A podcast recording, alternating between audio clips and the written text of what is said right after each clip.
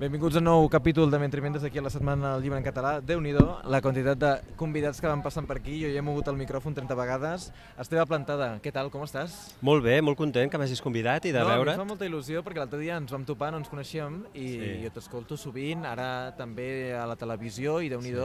la, la feina ara se t'ha sumat tot, no? Ràdio, tele, Illa de Mayans, etc etc. Sí, és allò que passa de les feines, no? Cada cop en tens molta i, i, i després no saps per què en deixes de tenir. De tenir I la, normalment la temporada on en deixes de tenir és molt més llarga, però la gent no ho percep, perquè llarg. només brilla quan en tens de feina.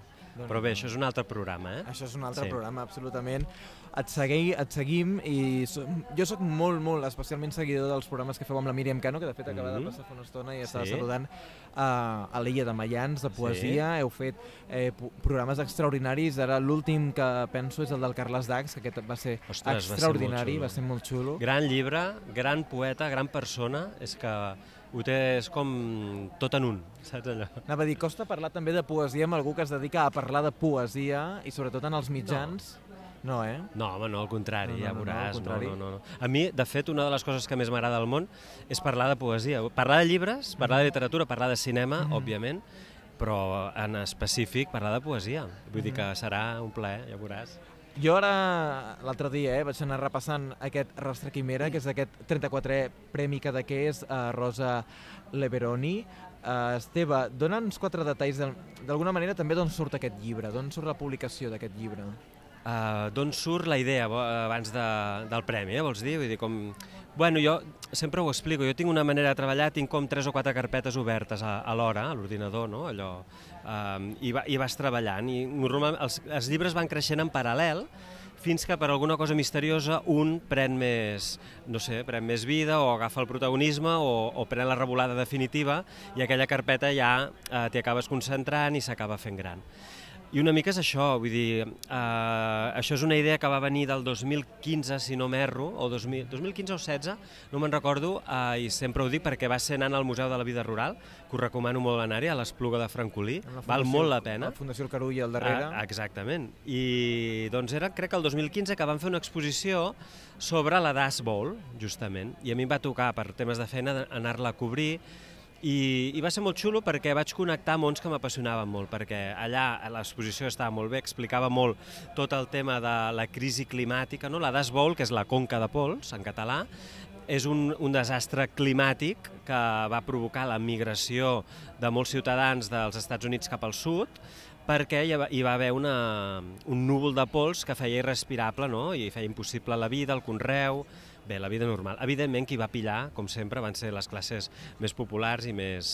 els pobres, vaja, com sempre, i van haver-se d'exiliar de, de, o d'emigrar cap al sud a buscar altres terres, altres cases i un, un futur molt millor. El, el curiós del cas que jo no sabia, en aquesta exposició vaig descobrir que aquest, aquest, aquest desastre climàtic és el primer de la història que està provocat directament per la mà de l'home no? I això, ostres, també em va fer explotar molt el cap perquè si no, al final de l'exposició hi havia eh, un epíleg on hi havia diferents desastres climàtics provocats per l'home. Es parlava de la guerra de Síria, per exemple, eh, que estava provocada per, una, per un efecte d'augment de temperatures, etc etc. Ara tampoc em vull enrotllar.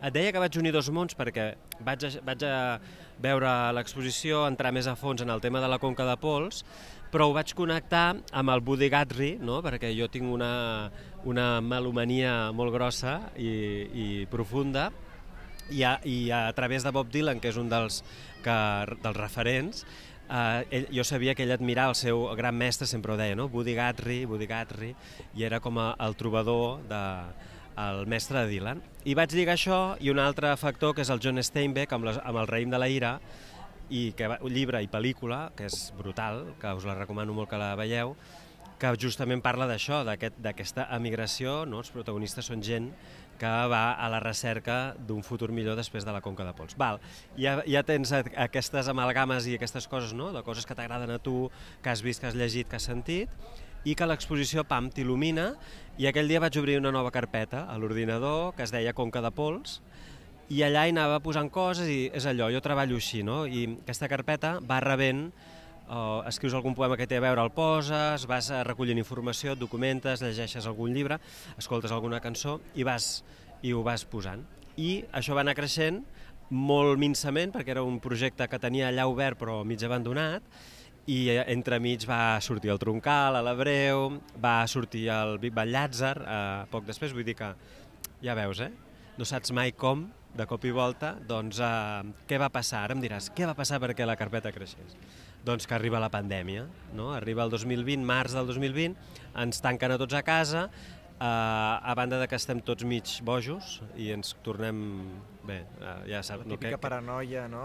Sí, què t'haig de dir, no? Sí. Clar, tots tancats a casa, no? Um, I comencem, bueno, a, a escriure els que... Mentre mentre, nosaltres... No, exacte. Imagina't. Sí, sí. Bueno, i comencen... I aquí va ser el clic de dir, ostres, um, el, la conca de pols, la Dasbol, Uh, és un desastre provocat per l'home i dic, hòstia, ara comença un altre desastre també provocat per l'home, segurament, i, i bé, el tema de... Eh, es barregen moltes coses perquè és 2020 i estem en moltes emergències, sempre ho dic, no? Emergència nacional, emergència climàtica, emergència de refugiats, emergència social, emergència nacional, etc. no? lingüística. I tot aquell batibull acaba desembocant, doncs dir, Esteve és el moment, no? març 2020, dic, és el moment d'agafar la carpeta i posar-t'hi i acabar-ho. Vaig anar fent el llibre i quan el vaig tenir acabat doncs el vaig presentar al premi i, i vaig tenir sort. N'hi ha un que... Bàsicament és això, hosti, quin sí, rotllo, no, No, però justament això ho comentes eh, entre contraportada, alguna entrevista, ho comentes també en aquesta... No sé si li titules epíleg o... No, la realitat és més gran, suposo sí, no? Té forma certament d'epíleg. Jo ho deia perquè hi ha certs poemes que potser podem comentar. Jo volia comentar aquest eh, cant espiritual, que m'ha sí. semblat superinteressant. M'ha semblat molt interessant, eh, no sé si el crac del 29, el... Com, com era això? Espera't. Sí, que... hi ha el nocturn 29 29 i el crac del 29 que estan junts. Són dos poemes que van pàgina 50. Pàgina 50. Tens el Nocturn 29 i el crac del 29. Aquí, el crac 29. També m'ha semblat molt interessant i potser podem començar per aquí, per aquesta referència a la 18 del Herderling, que nosaltres som molt Herderlingians, amb entre mentres i amb aquesta cosa del llum més llum que va dir representa abans de morir i aquesta concepció sí, sí, dels colors sí. i aquestes coses que sempre ens han fascinat més sí. des de la imatge que ha creat aquest personatge M'ha semblat molt interessant el que planteja aquí. Et puc convidar a llegir aquest poema número 2, El llamp? El llamp, sí. És la segona part, és un poema que es diu Conca de pols. De fet, el llibre a la carpeta ja té que es deia així, però al final aquelles coses vaig canviar el títol, bueno, això em passa molt, no? de, de voler-ho afinar, no? I vaig voler deixar com que el primer, realment, el llibre comença amb la conca de pols, no el núvol, i a partir d'aquí s'estructura el llibre com en un trànsit, com aquesta migració, un trànsit, una manera de caminar. Mm -hmm. I, és, I està dividit en tres parts, és, la primera és la tempesta, la segona el llamp i la tercera el doll, i el llamp diu així, te'l llegeixo, no? Diu, Holderlin deia que són pocs aquells que es veuen obligats a agafar el llamp amb les mans nues. Ho van fer, rebecs, gosant voler la llum. I hem ofrenat el cor, incandescent a la gentada. Hem resat a Déus de qui no hem tingut perdó, n'hem fet conquesta, esvalot d'una altivesa immoral. En l'encesa hem fraturat de tot, sense resposta. Hem escollit l'afany i no la flama. Bueno, i hem després... escollit el, no? Hem escollit sí. l'afany i no sí, la flama. I no, I no la flama. Sí, era com una divisa, no? Era una manera de començar, no? El llibre, amb, amb aquest poema en tres temps, molt clars, no? De, bé, el primer és la tempesta, no? Arriba, després el llamp, amb aquesta frase no, de referència a Holderlin, i el doll, no, que és com, bueno, ara comença, no, diu, és l'imprevist on trobem recer, com l'aqüífer que et busca ancestral. Era com començar no, amb la idea, això és el que hi ha, aquest és, la, aquest és el meu punt de partida ètic, no, podríem dir, uh -huh. pràcticament, no? De, a, i a partir d'aquí, això que d'aquests fonaments comencem el trànsit. I també em feia gràcia per diferenciar-los perquè són tres poemes, és un poema en tres parts molt... és diferent també el que es va desenvolupant el llibre, no? és com molt, de, molt programàtic en el sentit allò de punt de vista ètic, no? de comencem ara i comencem a partir d'aquí. Jo ara et volia parlar del Herzog, no sé si et faig un sí? viatge molt Hòstia, gran, perquè no, el Herzog, ara, ara es publicarà justament al català aquest volum, que és aquesta, no? aquesta passejada que va fer Herzog imitant també aquest altre autor. Això ho vam parlar amb el Ramon Ferrer fa uns dies, justament que va venir mentre mentres, però el, el viatge, en aquest sentit, jo els veig mm. força diferents. El Herzog tenia un objectiu, sí. anava cap a un lloc i després sembla com que la, la peregrinació no? sempre té una dimensió mística que és el caminar cap a. Uh, això va cap aquí? No ben bé, però bueno, també podríem mm, veure-li alguna cosa aquí. Primer de tot, jo sóc molt fan del Herzog. De fet, a Fosca Límit, que, que vaig publicar el 2014, a dia, ja surt referenciat Herzog i, i m'ha anat acompanyant gairebé tots els llibres. Vull dir, és una cosa... És un d'aquells creadors que a mi em, fascina, no? I, i sobretot a nivell cinèfil, eh, visual. Llavors he pogut anar llegint coses i dius, ostres, és un, és un tio impressionant. Però eh, ara, centrant-nos en el que deies del viatge, hi ha un recorregut, és a dir, eh, tot està concebut amb la idea de fer aquest recorregut, d'anar cap a algun lloc. Primer passem la primera part, que és l'aturada en sec, no? que juga amb el, amb el fet aquest de l'aturada. Llavors passa per lo dels Cherokees, no? que és la, la resistència, no? després de, de, de, de tot el que està passant, el, el tumult, la tempesta, la, la, la pols, tot Uh, anem una mica més enrere amb el Cherokee i jo, com que totes aquestes dues parts, que són les més extenses del llibre, són tan bèsties, tant tothom diu, hosti, que és molt negre, és apocalíptic gairebé. Doncs, bueno, una mica sí. Clar, jo volia fer una última part de dir, val, el, el viatge acaba en alt, no? allò que diuen, amunt, acaba amunt. Literalment amunt perquè se'n va al cel, no? Fa una... És una... I clar, dius, va a algun lloc el viatge? Clar, doncs és allò, volia acabar això, no? Mirant, deixant com la cosa de la terra, la cosa més, més terràquia i més, eh, bueno, que, que no té la mística, no? la cosa terrenal, i, i volia acabar amb aquesta última part eh, anal i clar, amb l'amor, no? Com, de, és com dir, deixo aquí no? Les misèries terrenals de la terra, de les coses materials, i acabem amb l'amor que és l'única esperança, no? l'únic refugi possible. I aquí és on hi ha no? que és aquesta cosa de viatge cap amunt, i és on hi ha el cant espiritual, que és un poema d'amor, és on hi ha doncs, el Lennon i McCartney, bueno, tot, aquestes peces més que em servien per acabar una mica amb un alè com d'esperança malgrat tot, no? És apocalíptic, hem patit, hem suat, hem, hem tingut mocs, hem tossit, però al final dic, volia acabar bé i el, el trànsit ja el veig és aquest. Hi havia tot un seguit de poemes que deies, que els titulaves de, no, de, de, de la, la part central, no?, que deies, no?, Aquests, aquesta aturada en sec, justament. A crec, crec del 29, no sé si els podem, el podem sí. llegir per alguna imatge que pot ser interessant comentar. El crac també. del 29? El crac, sí. sí. Els daus de Déu no resistien aquest mai més que sé que tinc el tou dels dits mentre repasso el cos predit del teu record on cap designi et fa matèria. He dit que vull la terra ferma, trobar-te tu que mai no et penses, fingir que sí, covar misèria, comptar el vell temps i la malura que estic cansat de sempre perdre.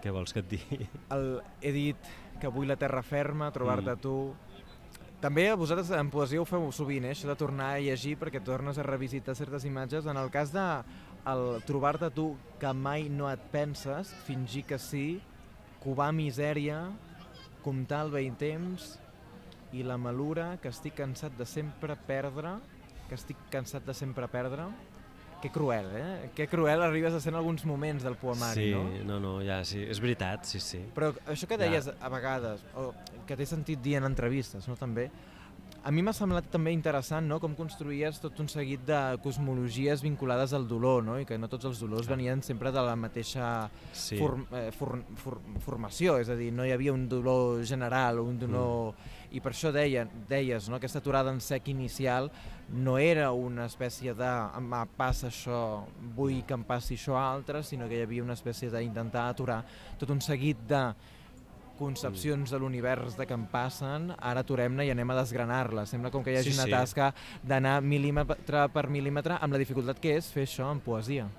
Sí, sí, sí, és un, és un exercici per quan t'hi poses, no? Dius, uh, qui, qui, quins mals hi ha, no? Què ens, hi, què ens trobem? És el que et deia, és fruit de moltes emergències. Mm -hmm. I clar, uh, a vegades el, uh, tu has de, com a lector no, has de desxifrar el codi jo, jo l'exposo però tu l'has de desxifrar. Vull dir, no és un poemari explícit, tot i que per mi ho és, eh? Hi ha moments, clar, em diuen, em deien, és, em van dir en una entrevista, és molt críptic, eh, dic, ostres, jo no el trobo tan críptic, perquè jo crec que el codi és fàcilment desxifrable, però és evident que hi ha un codi.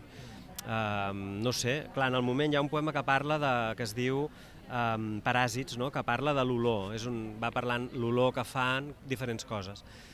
Clar, a mi per aquell, a banda de la pel·lícula, perquè el desencadenant del poema és la pel·lícula Paràsits, és, és el tema, clar, quan eh, passaves la, la Covid, no? perdies l'olfacte, no? Clar, són coses com... Jo no l'he perdut, eh, però... però no, jo tampoc, jo tampoc. Ah, mira. però, però bé, pa, passava això, no? I era com que prenia molt valor tornar a olorar les coses i, quin, i saps que l'aturada, eh, la desastrosa aturada, també tenia contrapartides amb, que eren bones, no? de dir, hosti, recuperem, no? retorn als orígens, eh, olorem les coses, abracem-nos, toquem-nos, no? la gent deia, ja no ens podem tocar, toquem-nos. Doncs vindria a ser això, clar, i per mi aquest codi, clar, si tu llegeixes el poema Paràsits, amb el codi de la pel·lícula, de la imatge de la pel·lícula, o vés a saber què, potser no l'entendràs, però per mi és, eh, aquesta, aquest codi per desxifrar-ho no és tan críptic. No? És només unir uns quants elements de, de, de la realitat immediata i sobretot de referències poètiques, no? perquè jo no escric, no sé escriure sense tenir en compte que hi ha una línia a, a, a llarguíssima que em precedeix, no? De, evidentment no ho he llegit tot jo, eh, de, de, pel que fa a poesia o novel·la, ni molt menys, però he, he llegit i les coses que m'han llegit i m'han impactat les tinc adquirides, no?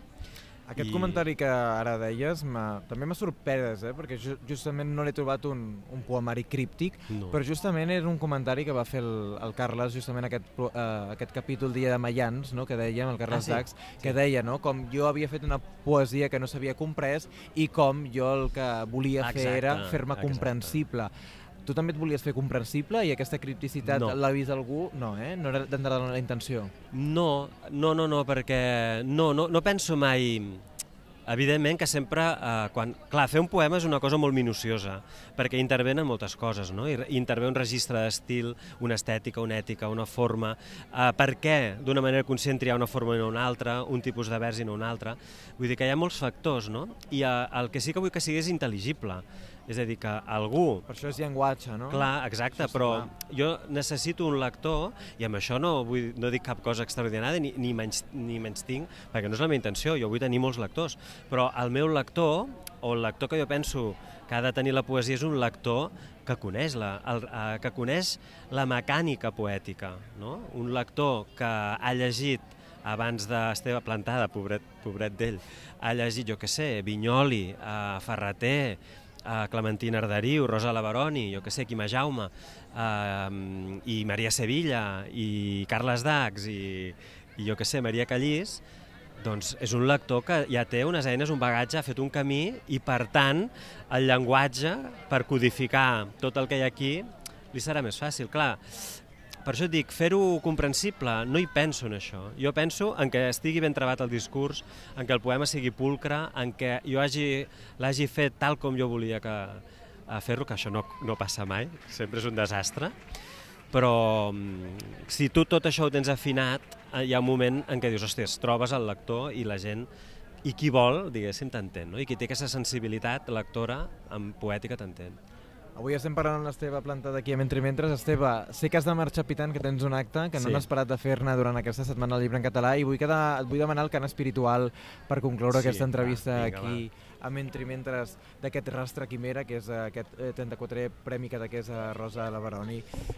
Endavant, Esteve. Doncs va, llegeixo el cant espiritual.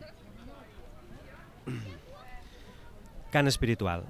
Dic t'estimo, perquè sóc la muntanya que t'obre la pell i el cim quàntic que toca Déu quan existeixes.